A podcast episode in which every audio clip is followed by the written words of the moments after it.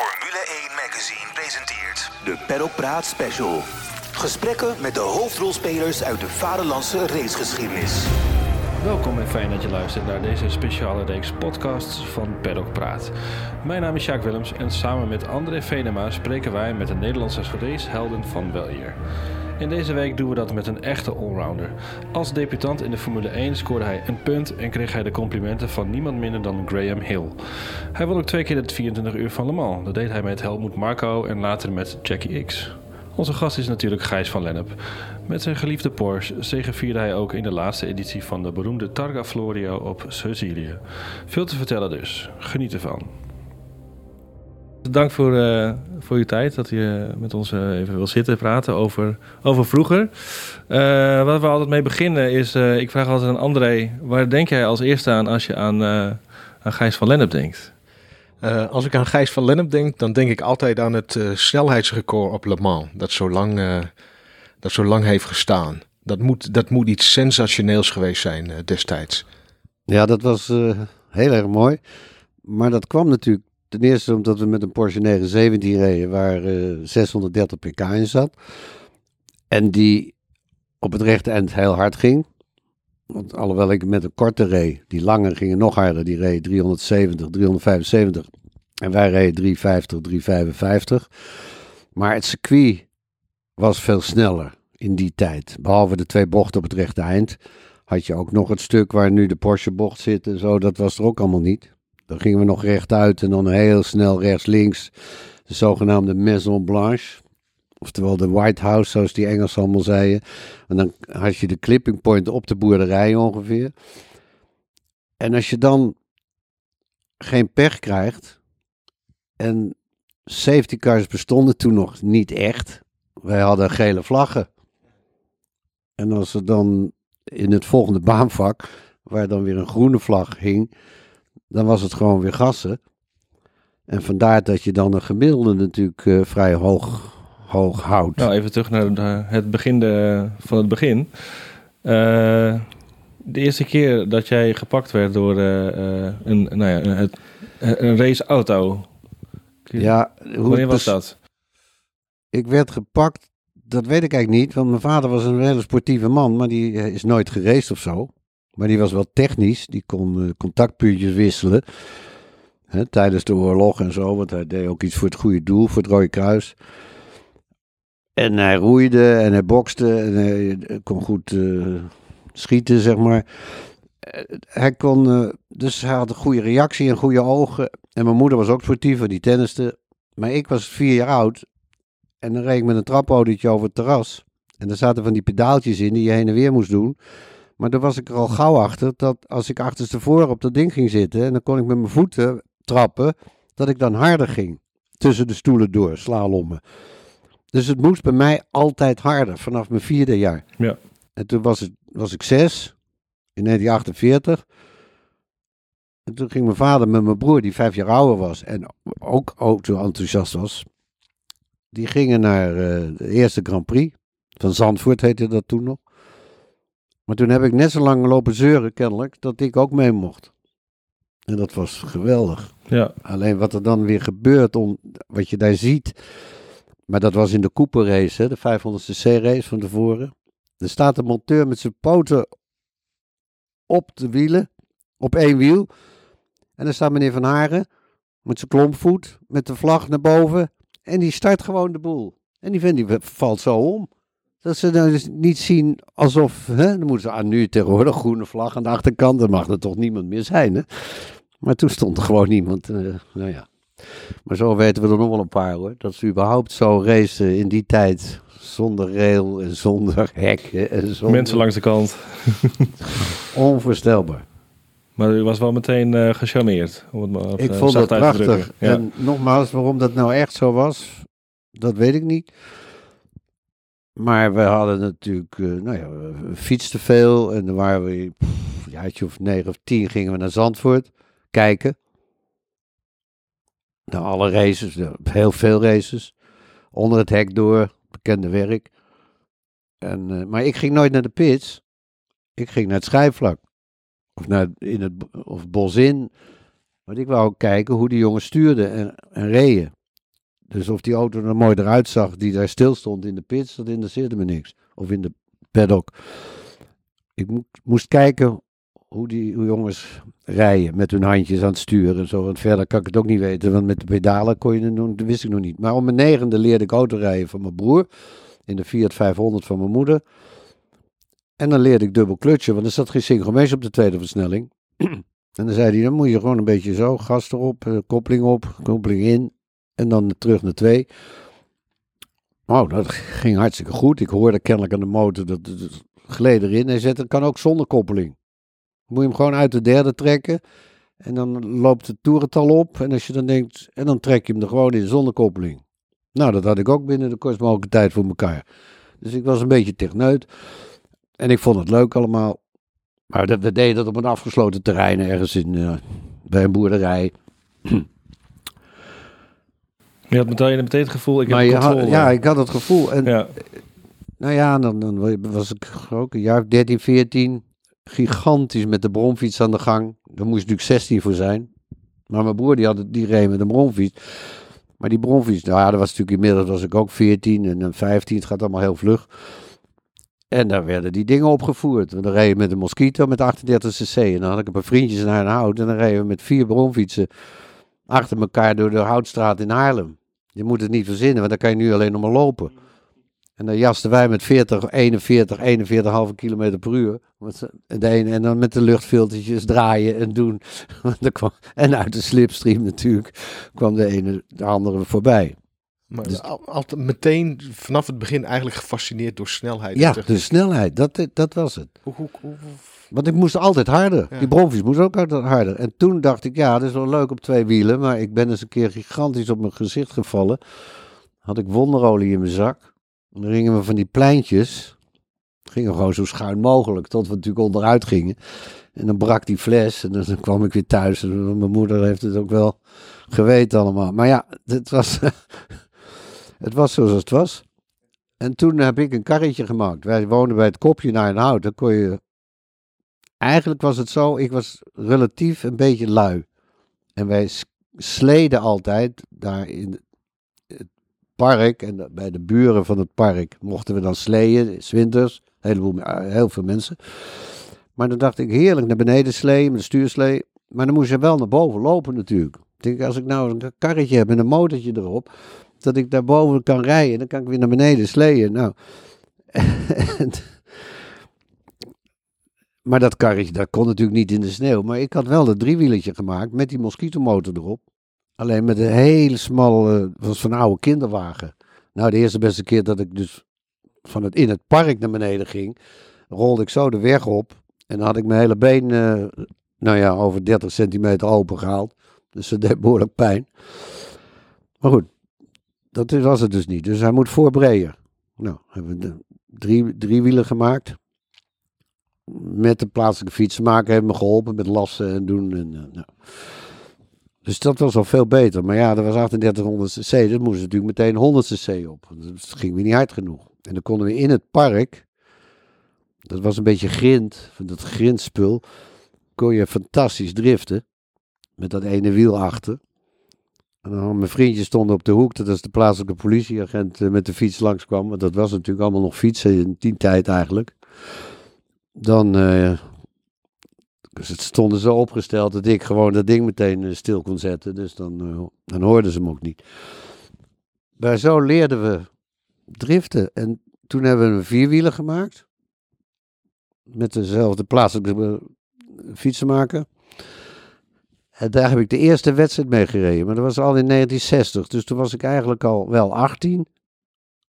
In Hoensbroek. Dat was mijn eerste race op de Sintels. Nou, ik kon natuurlijk al eh, verrekte goed driften, want in, ik moet even terug, Rob Slotenmaker woonde naast ons.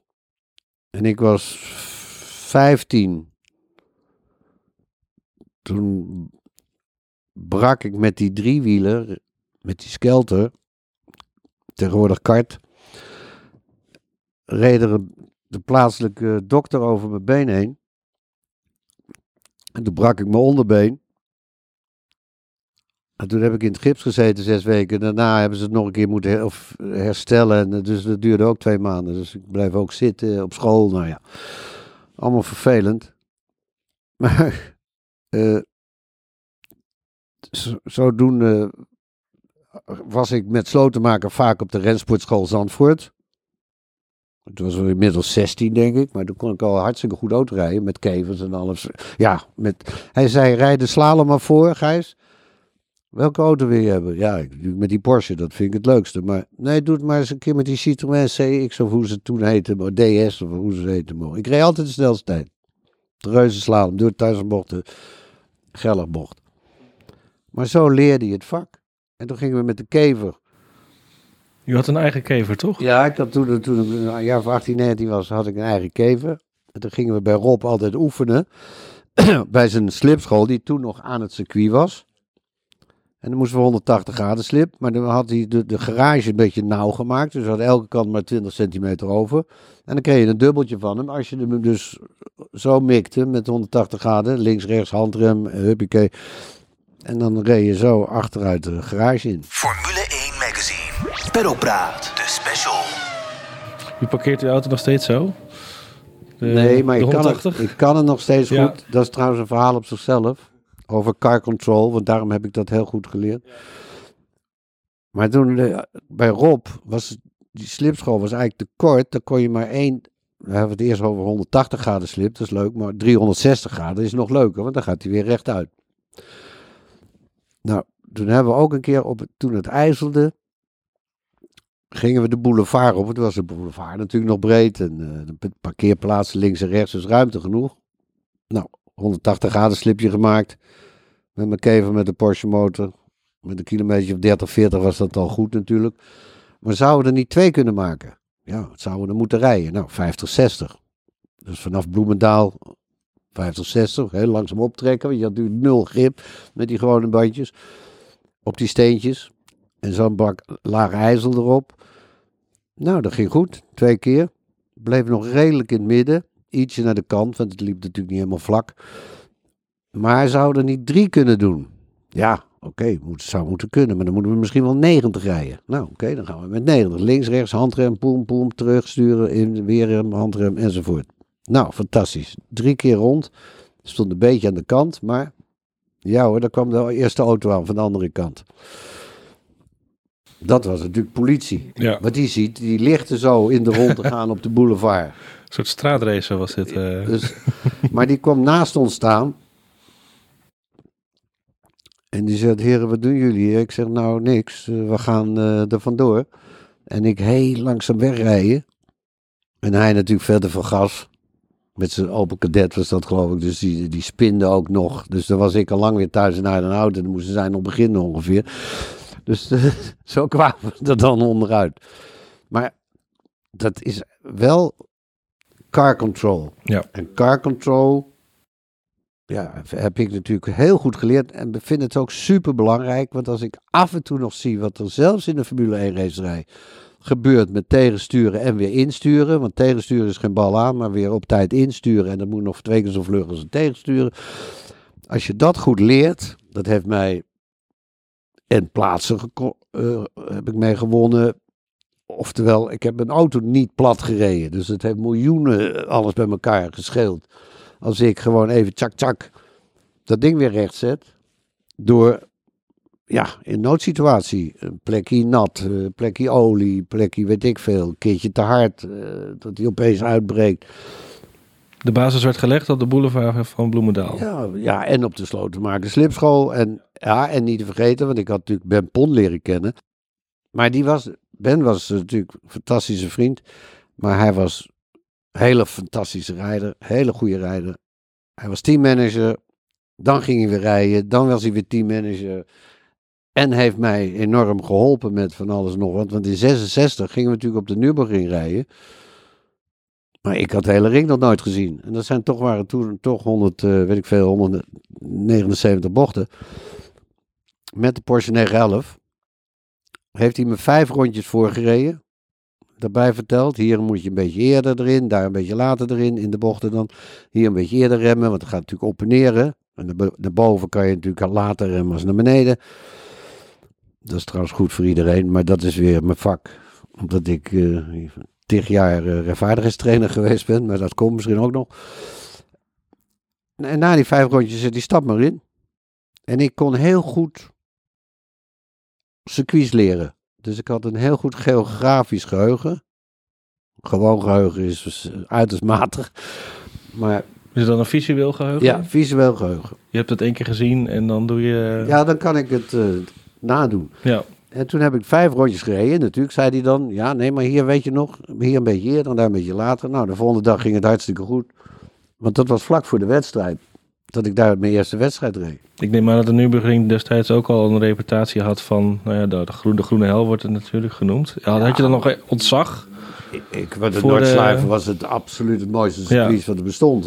Want waarom vind ik circuits interessant? Als ze op en neer gaan. Juist vanwege remmen naar boven, remmen naar beneden, bochten die vallen naar Geen weg. bocht is hetzelfde. Zeg maar, Zandvoort, is schijfvlak is in mijn ogen een van de allermooiste bochten die er bestaan. Er zijn er meer mooi, mooi hoor. Want door Rouge, volgas is ook, eh, hartslag gaat er echt, echt iets omhoog, hoe dan ook. Maar eh, nee, Nürburgring was voor mij, ik kon er ook heel goed rijden. Kan het zijn geweest dat dit in 67 was? Ja, dat was 67. Ja, want in datzelfde jaar eh, maakte hij ook een eh, flinke klapper op Spa. Dat net eigenlijk op het moment dat je, eh, als ik de geschiedschrijving moet eh, geloven, dat hij op weg naar boven was, hè, richting de Formule 1 misschien ook wel. Maar toen be- beleefde hij nogal nou ja, echt een ernstig ongeluk. Kijk, wat, wat Ja, staat dat hij ik. van bij? De eh? zwaarste klapper geweest, 67 heb ik de, de enige echte grote klapper gemaakt waarvan ik hartstikke dood had moeten zijn. ja, 1000 kilometer Nürburgring. was Met niet Ben? Pons samen. Dus dat hebben we ook gedaan. Hij was dus of teammanager of we reden allebei Was in een kortere op- wedstrijd. Was het niet de klapper op Spa? Eh, ja, dit was Spa. Ja, ja. Ja, ja. De Ja. klapper op Spa. 1000 kilometer race. Ja. En eh, ik... eh, vijf voor zes. We doen nog één keer even iets ver- verstellen. Want ik moest altijd wat verstellen. En proberen die auto beter te maken. Zei, Ben, als we nou die stabilisator ietsje zo doen, dat is voor de wedstrijd morgen met volle tanks, dan rijdt hij eh, makkelijker. En dat is natuurlijk heel snel circuit, hè? nog de oude circuit. En je gaat nu naar boven en dan ga je nu rechtsaf met die chicane. Maar wij gingen haaks links en dan naar beneden, naar Burnaville. En dan heb je de hele snelle volgas links-rechts knik. Maar we reden, daar was ook nog geen rail. Je had een, meter naar beneden en dan begon het grasveld. Of hier en daar een boom of wat ook. Nou, ik heb gelukkig geen boom gehad, maar de kap van de Porsche Carrera 6 ging de verkeerde kant op open. Eh, omdat ze haast hadden, ze hadden van die skiklemmen op. Hebben ze misschien eentje er niet ingehaakt en de andere is gebroken. Dat zou kunnen, dat, hebben we nooit eigenlijk geweten. Maar die kap gaat dan open, dan komt de wind eronder en dan ga je omhoog. Dus dan spin je gewoon de weg af. Met 220 ongeveer. En toen ben ik, hadden ook geen riemen nog in 67. De Formule 1 wel, wij niet. In 68 wel, misschien mede door dat ongeluk van mij. En toen ben ik dus holde de bolder, kop over staart, met 220 het weiland ingehobbeld. En toen ben ik eruit gevallen.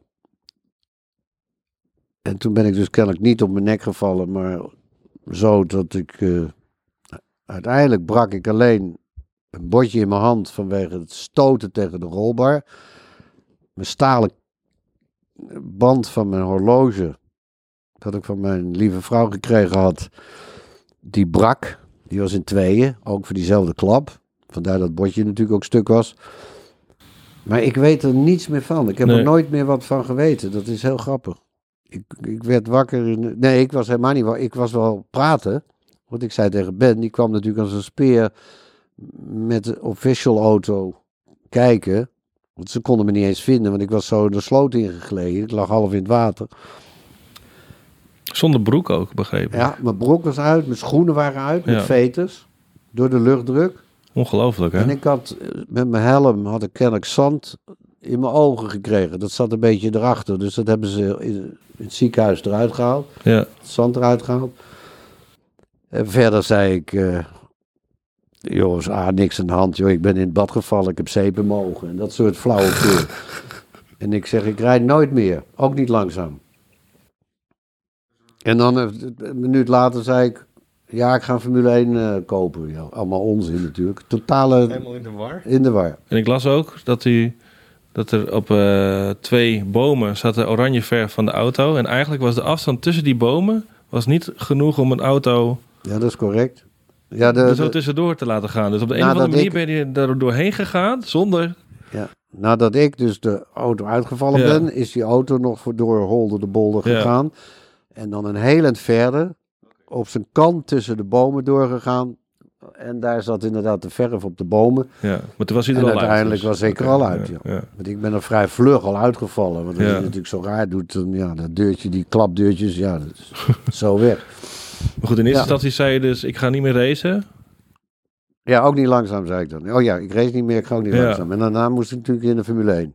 Want ik denk dat je dan wel foto's hebt gezien van de plek van het ongeluk. En dat zette u niet aan het denken van, Nee, hmm, Ik weet, van, ik weet dat ik weggereden ben. ja. Ik weet wat ik versteld heb. En voor de rest Ja. weet ik niks. Ik bedoel dan achteraf, dan zag je misschien de plek van het ongeluk. Nee, en we zijn er na 40 jaar nog geweest met Rob Ja. Zijn we gaan kijken, hebben foto's gemaakt en alles en nog wat. Maar eh, ja. Nooit, nooit een twijfel gehad om, eh, om te stoppen. nee, nee, nee, natuurlijk niet, want je moest winnen.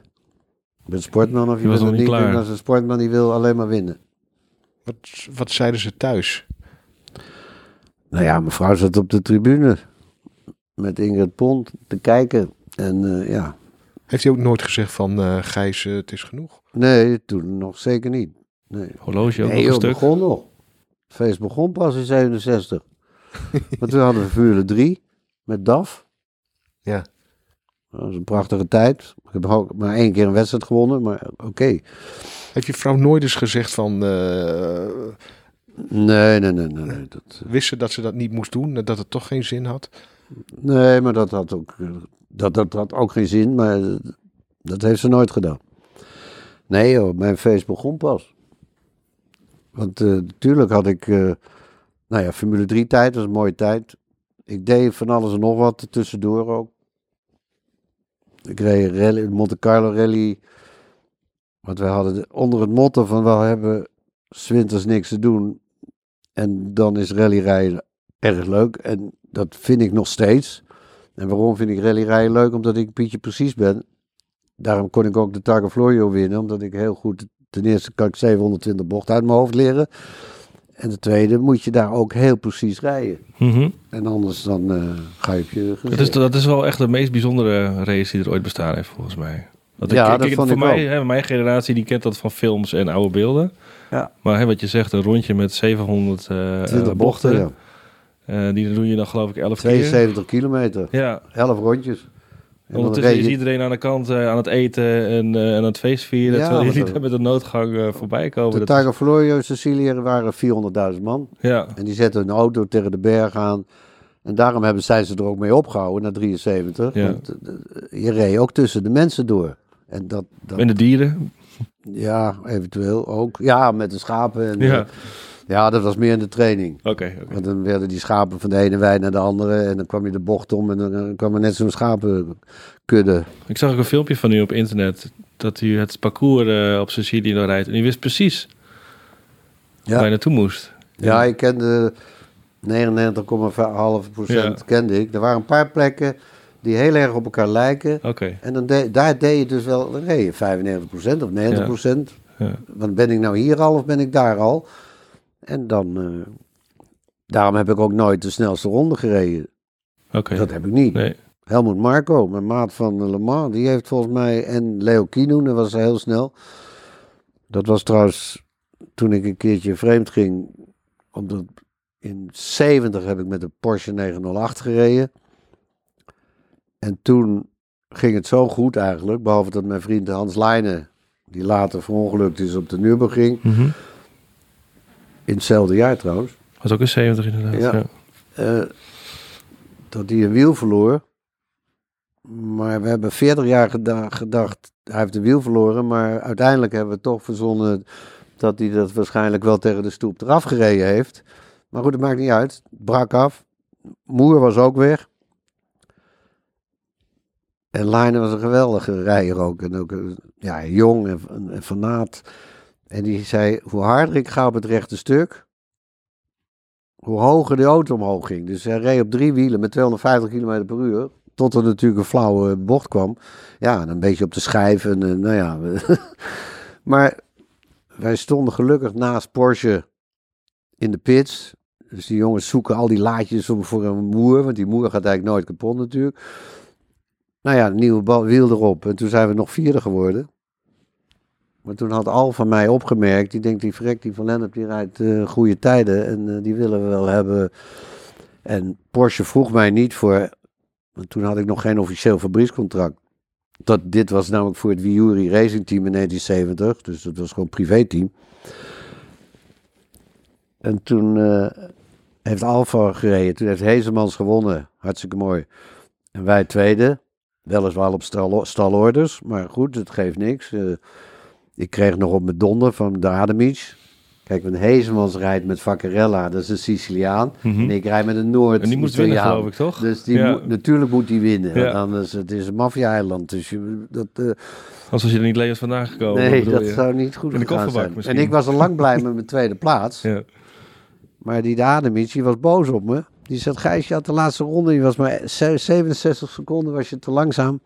En we zou reden al rustig, omdat we allemaal dik wonnen. Maar we kregen borden nog halverwege van rustig aan, want, eh, hè, omdat zij moesten winnen. dus heb ik ook gedaan. Ik vond het ook mooi geweest ook trouwens. In tweede worden is prachtig. Maar met lijnen, als we het daarover hebben, dat was ook Ben Pon, die zei, die had hem gezien, die zei, hij wordt of wereldkampioen of hij reist er te pletter. Wat gebeurt er nou? Was er niet heel veel... eh, was dat niet eigenlijk de, de, beetje de, algemene allemaal, regel ja. eh, ja, dat is wel een beetje zo Gechargeerd gezegd. gechargeerd gezegd. Maar ik vind dat niet hoe meer risico je neemt, hoe harder je kan rijden. Dat is niet zo. Racen is een pure technische zaak. Dat is een gevoelskwestie. En als ik vijf of tien meter te laat rem, in een race kan ik best nog die bocht halen. Dan rem ik hem een klein beetje meer erin, dan wacht ik even langer met het gas geven. En dan kom ik er wel door, alleen ben ik dan wel een half of drie kwart seconde kwijt. Maar dat noem ik met risico nemen. Je moet gewoon op de millimeter nauwkeurig kunnen remmen. En, en, en anders werkt het, dan ben je niet snel genoeg. Heeft, heeft u wel eens, wel eens onverantwoorde misschien risico's eh, genomen dan? Nou nee, ja, op een goed moment als je weet, die bocht is vol gas, dan is het de eerste keer, moet je het doen. Ja. Als je het niet doet, dan gebeurt het niet. Nee.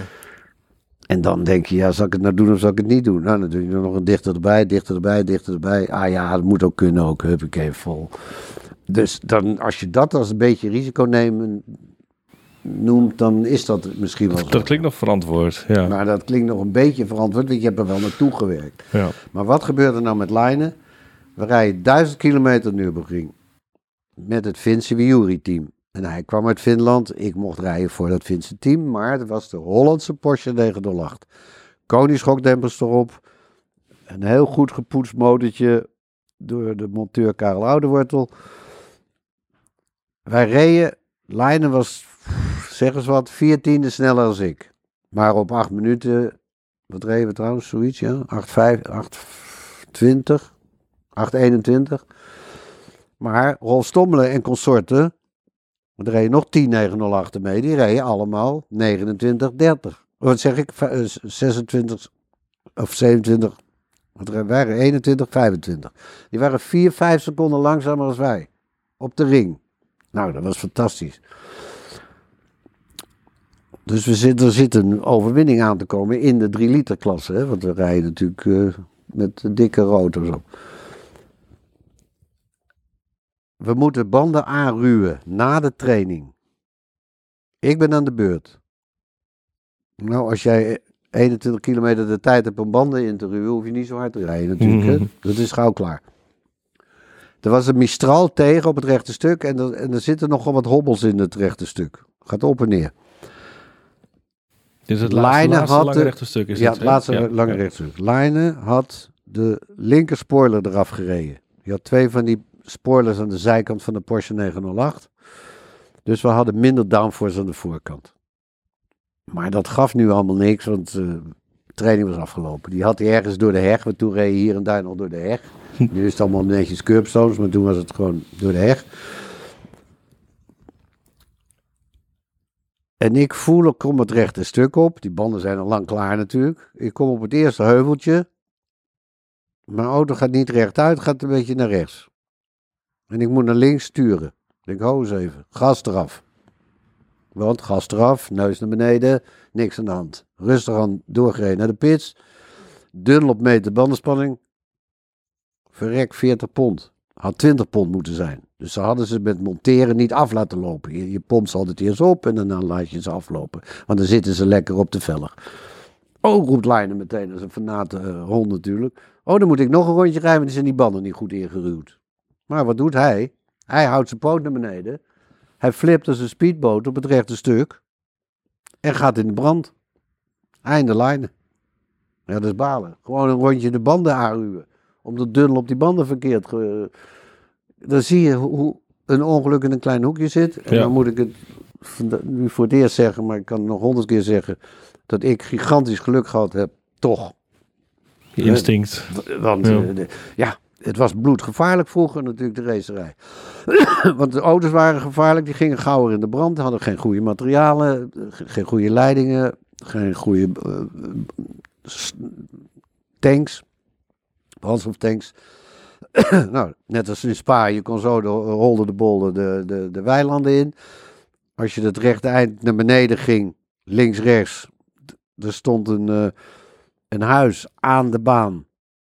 Daar kwam je wel niet, want je, je, je snee natuurlijk af, zeg maar, links, rechts. Maar er stond één strobaaltje. Maar als ik daar een lekke band krijg, dan vind je van de auto en van mij niks terug. Maar wij, ook dat zeg ik vaker, wij wisten niet beter. Nee. En zo zijn de circuits en de auto's alsmaar samen veiliger geworden. Dus eigenlijk, Jackie X heeft gezegd van eh, de grootste gift in mijn leven eh, is geweest dat ik die tijd heb overleefd. Ja. Wel, voor mij idem dito. Ja. Ja, precies. Hij denkt er net zo over als ik. En hij heeft natuurlijk nog meer bereikt dan ik. Maar we hebben samen Le Mans nog een keer gewonnen. Ja, ja. Het laatste kunstje was dat, hè? Het laatste kunstje. Van, van tevoren aangekondigd. Ja. Is toch al bij één stijl eigenlijk. Ja, Toch? nou ja, mooi kan je het niet krijgen. Nee. Maar dat weet je ook niet van tevoren. Nee. Want ik wou eigenlijk ophouden met racen. Want ik, ik, en waarom wou ik ophouden met racen? Daar kan je van alles op verzinnen. Maar ik had... Mijn Formule 1 carrière was mislukt. Kan ik ook rustig zeggen. Daar heb ik geen moeite mee. Ik kan wel twee keer 60 geworden zijn. Maar ja, ik kreeg nooit een contract. En als ik een contract kreeg, hadden we het geld niet. Met Surtees en ik word achtste in de eerste Grand Prix. Nou, hoor, helemaal prachtig natuurlijk. Zegt Surtees, je kan de tweede auto rijden, moet je wel een half miljoen gulden meebrengen. Tegenwoordig moet je 10 miljoen do- do- do- dollar meebrengen, maar dat is weer wat anders. Maar we konden die 4 ton of 5 ton niet bij elkaar krijgen. Nee. Tientje vergrijsactie, 15.000 eh, gulden. Nou, wat moeten we Goed dan als we dat niet voor elkaar krijgen? Ja. Nou, Formule 5000, dat is een soort Formule 2, maar dan eigenlijk dikke motoren. Gewoon Formule 1-achtig. Europees kampioenschap. Kostte veel minder. Kwam bij een team terecht. Want Gulf betaalde daar toen ook voor mij. En ik heb de enige keer dat ik er zelf 7000 gulden in gestopt heb. Het was 33.000 gulden. Daar kreeg ik wel weer een heleboel van terug ook. Als we reden. Maar dat was wat we moesten betalen aan dat team. En ik word Europees kampioen. Ja, weer geen Formule 1. Maar ja, kijk nou. Vorig jaar uit de Formule 2 gaan er drie rijders naar de Formule 1. De Vries, die wint. En krijgt geen ritje, geen zitje. Ik bedoel, je moet altijd op het juiste moment... Nou ja, maar hij zou het wel voor niks kunnen krijgen. In principe. Zou die andere drie eh, betaald hebben vorig jaar? Ja, misschien ook wel gedeeltelijk wel. Bij de, de arme teams wel natuurlijk. En die andere teams willen je niet hebben, omdat die vol zitten. Dat is het, ze zitten vol. Dus het is inderdaad niet, allemaal niet zo makkelijk. Nee. Maar zo doen heb, heb ik nooit. Daarom heb ik nog wel een paar keer gereden. Want Marlboro die vond het leuk dat ik reed. Dus eh, dat- die wou sigaretten verkopen. nou, dan word je een keer zesde. Dat is de beroemde 1973. Er gebeurde van alles natuurlijk in 73. We hebben eerst de RSR Porsche gebouwd in... eh, verbouwd in eh Paul Ricard. Dan win je de Targa Florio. Dan word je vierde op Le Mans. En dan word je zesde in de Grand Prix. Maar daar verongelukt Roger Williamson. Ik heb al vaak genoeg verteld natuurlijk. Maar eh, dat wil iedereen graag weten. Ja, dat is verdomd spijtig. Maar dan zie je weer dat die auto, die gaat even op de kop en dan lekt die al benzine en dan gaat hij in de brand. En als je dan met, kom je met 5 kilo blusmateriaal niet klaar natuurlijk. En eh, daarna hebben ze die auto's gemaakt met twee keer 50 kilo. Die binnen 7 seconden op elk plek van het circuit zijn. Nou, dat is natuurlijk een fantastische verbetering. En dat is overal zo. Behalve op de Nürburgring. Daarom hebben ze op de Nürburgring de racerij uh, gestopt. Ja. Op de Noordschleife. En hebben ze toen een- gewoon een nieuw circuit gemaakt met de Zuidschleife. Wat weer normaal te beveiligen is nog, dat, was spijtig dat mijn zesde plek natuurlijk een, een beetje ondersneeuwde. een beetje ondersneeuwde. Vanwege die... Eh, Vanwege dat ongeluk. Drama. Ja. drama. Mm. Zoals na zo'n na zo'n race, hè, dan uh, iedereen eh, ziet wat er gebeurd is. je zult er zelf ook langs zijn gegaan.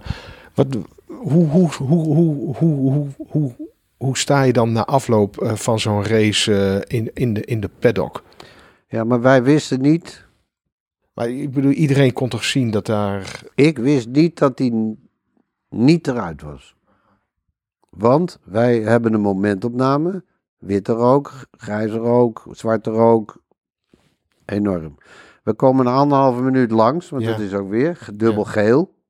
Wees gereed om te stoppen, langzaam rijden, maar daarna komt de groene en dan rijden, is het weer gewoon gas erop. Tot je weer bij de gele vlag terechtkomt. Zeg maar dat het anderhalve minuut duurt. Dus het is voor ons een momentopname. Dus dan rij je, we moeten kijken waar je moet rijden. En dan zie ik daar een mannetje kruipen, zo uit mijn ooghoek.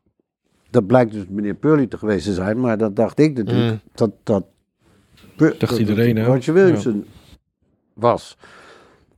Dus toen ik na afloop uit mijn auto stapte en de jongens van Marlboro en de journalisten en mevrouw Jenny erbij stonden. En die zeggen, ik zeg, joh, hij was eruit. Godzijdank.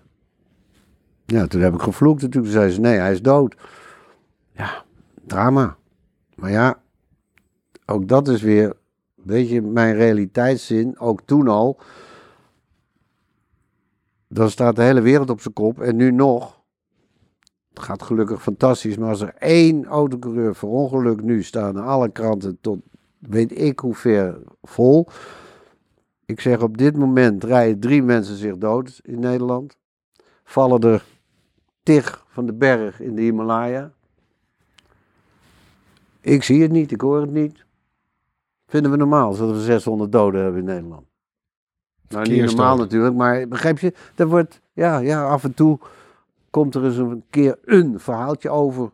En dan uiteindelijk zie je, nou, dit jaar zijn er eh, zoveel doden in de Himalaya. Die allemaal daar de, de hoogste berg op willen. Ja, dat is mens eigen. We willen allemaal de grens proberen te overschrijden. Weet ik. Ja.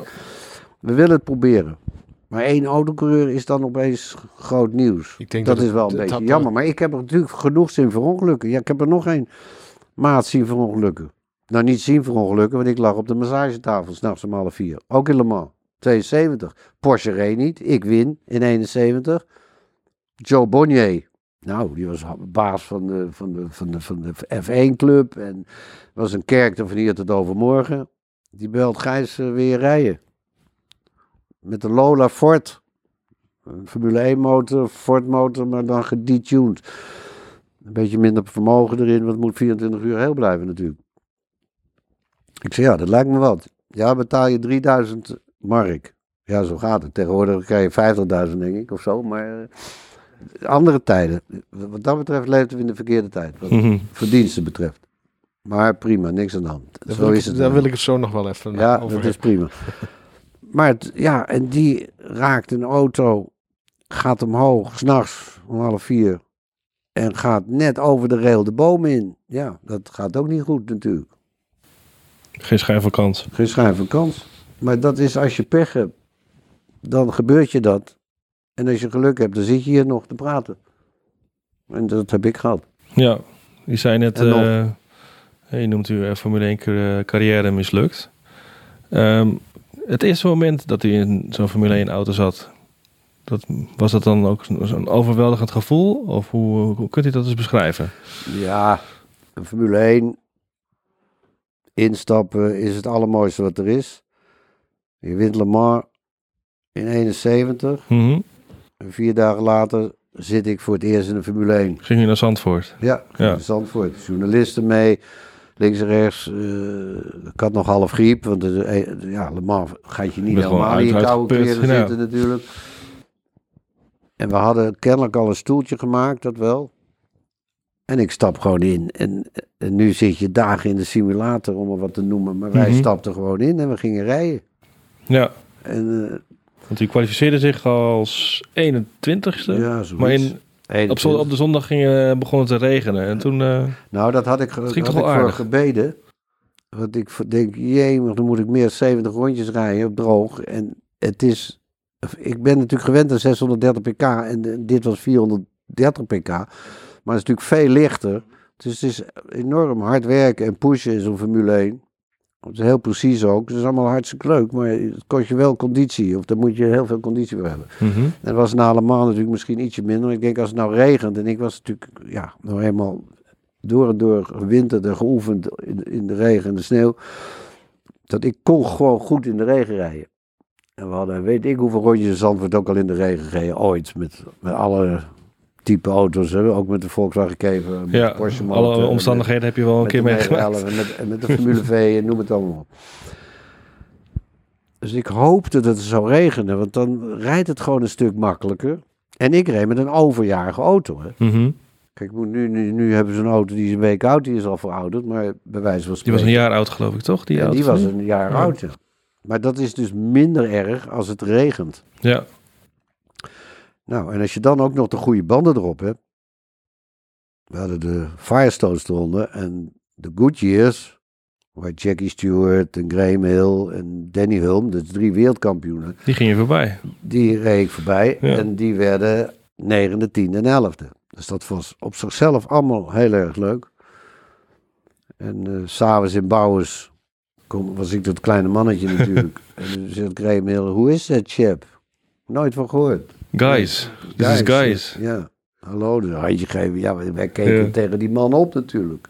Dat moet toch wel bizar zijn geweest. ja. maar dat je ertussen staat. Ja, dat is inderdaad fantastisch. Ja. Maar dan ben je dus maar een klein mannetje. Ja. Zo is het natuurlijk wel. Alleen hij is er ook niet meer en ik nog wel.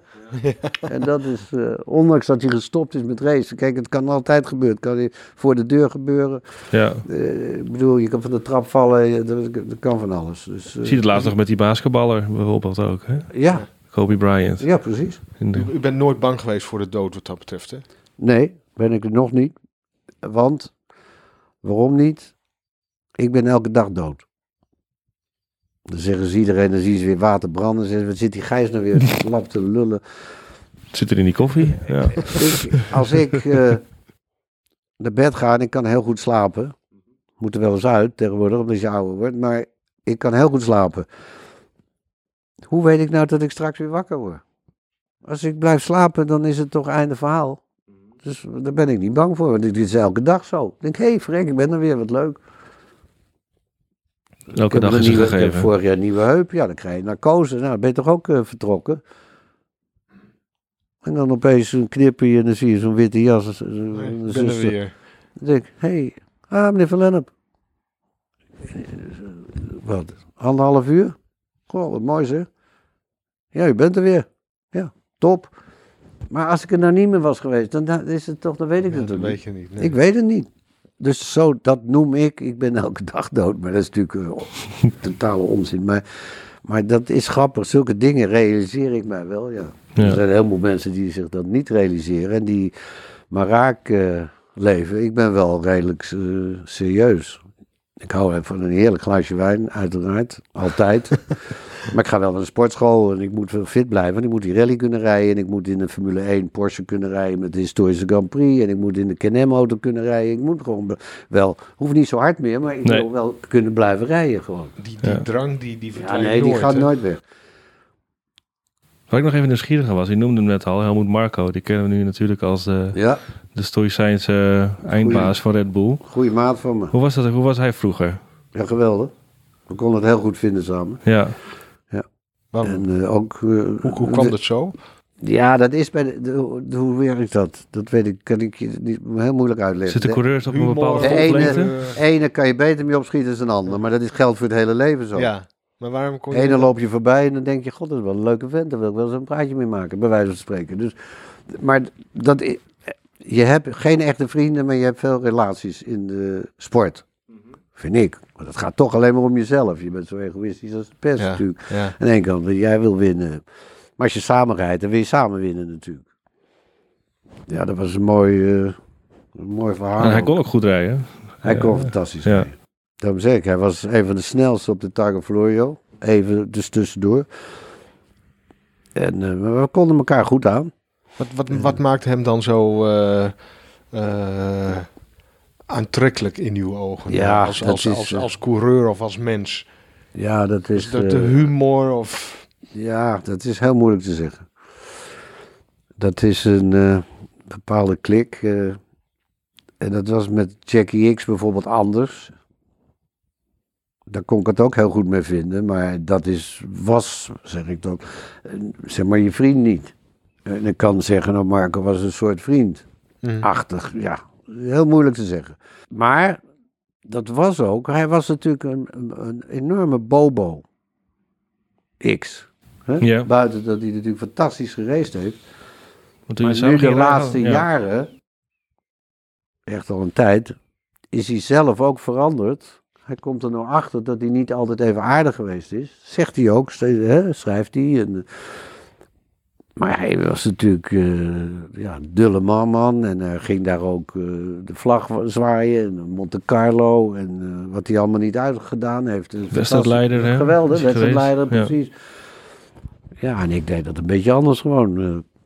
Maar nu is hij, merkt, en als ik hem nu zie, dan hebben we gewoon een heel verhaal. Maar ik was wel eens op Le Mans. En dan liepen we elkaar tegen het lijf. En ze zei, hé hey Gijs. En liep door, hè. Niet even stoppen of zo, nee. Maar nu wel. Dus dat, dat, ja, dat verandert ook weer. Je wordt allemaal ouder. Dan- Ja. Maar Vic Elford, eh, Dirk Bell, Ik wou zeggen, heeft hij veel vrienden overgehouden uit die eh, jaren 70? dat zijn allemaal jongens. Die, die ken je, eh, Brian Redman. En, ja, dat is allemaal super jongens. Waar je, waar je het goed mee kan vinden. Als, je ze ziet, hè. Ja, Want Marco heb ik, heb ik nooit meer gezien. En één keer zou hij, ik weet niet wat hij was, zou hij 50 worden, maar toen kon ik niet of zo. Hadden ze me gevraagd om te komen. Maar Helmut Marcus binnenkort in Zandvoort. eh, Ja, dan hoop ik hem uitgebreid te zien natuurlijk. Ja, absoluut. Ja, dan gaan we even bij Red Bull buurten, ja. Dat is wel de bedoeling. Ja. nog iets heel anders. Hè? Eh, u eh, zei ze straks ook, eh, wat, wat geld betreft zou je in deze tijd moeten leven. Heeft eh, misschien wel, ook wel weer een hele Nederlands vraag. Maar hoe was dat in die tijd? Kon je, kon je een beetje fatsoenlijk leven van wat je verdiende als coureur? Als je het verdiende, ja. Maar soms wist ik in januari niet wat ik ging doen. Nee. En dan werd je opgebeld. het jaar dat ik voor Porsche ging rijden, Maar wat, 73. wat voor bedragen ging het dan? Bijvoorbeeld in Le Mans of zo? Wat, wat, Nee, maar het stelde allemaal ja, relatief niet zoveel voor. Maar als ik de Porsche Cup heb ik gewonnen in 1970, om maar eens een voorbeeld te noemen. Die Porsche Cup, dat was voor privérijders. Dan kreeg je gewoon punten voor alle wedstrijden die je reed. Dat was Porsche 908 en wat weet ik het, wat ik nog meer reed, 19 een keer. Of... Toen moest ik nog naar Afrika om punten te halen. Dat heeft het team, we reed ook voor Viuri, voor het Finse team met, met eh God weet hij, onze Franse vriend. Larousse. Ging met de 908, werden we vierde in de 9 uursrace van Kielami. En dan kreeg ik net genoeg punten om de Porsche Cup te winnen. Want dat was 50.000 mark. En daar kreeg ik er 25 van. Nou, dat was natuurlijk bingo. In die tijd. In 70 was dat eh, heel veel geld. Dus we konden er goed van leven. En Je, je kon een hypotheek betalen, een huisje aan, aanschaffen. En alles bij elkaar. Je, je, ik kreeg een contract bijvoorbeeld van Marlboro voor 10.000 dollar. Niet was van van, eh, sigaretten. een half miljoen of zo. nee, nee, nee, nee. Snap je? Dat is het verschil. Als je nu eh, misschien net zo belangrijk was, dan gaat het over hè, de jongens die nu reclame maken voor dingen en zo. Die bedrijven. Dan gaat het met tonnen, te, gaat het met tonnen tegelijk en, eh, en, en toen gaat het met tienduizenden tegelijk. Je hebt altijd een eh, goed leven kunnen leiden. zeg Ik heb altijd een goed leven kunnen leiden. Ja. Ja, dat zeker. zo. Hartstikke da- bedankt voor eh, dit gesprek. Oké, fijn. Tot, tot in Zandvoort. Tot is antwoord. Dit was de Paddock Praat Special. En dat was Gijs van Lennep. Dank voor het luisteren. Volgende week slaan we even over, maar daarna gaan we weer verder met onze speciale reeks podcasts van Paddock Praat.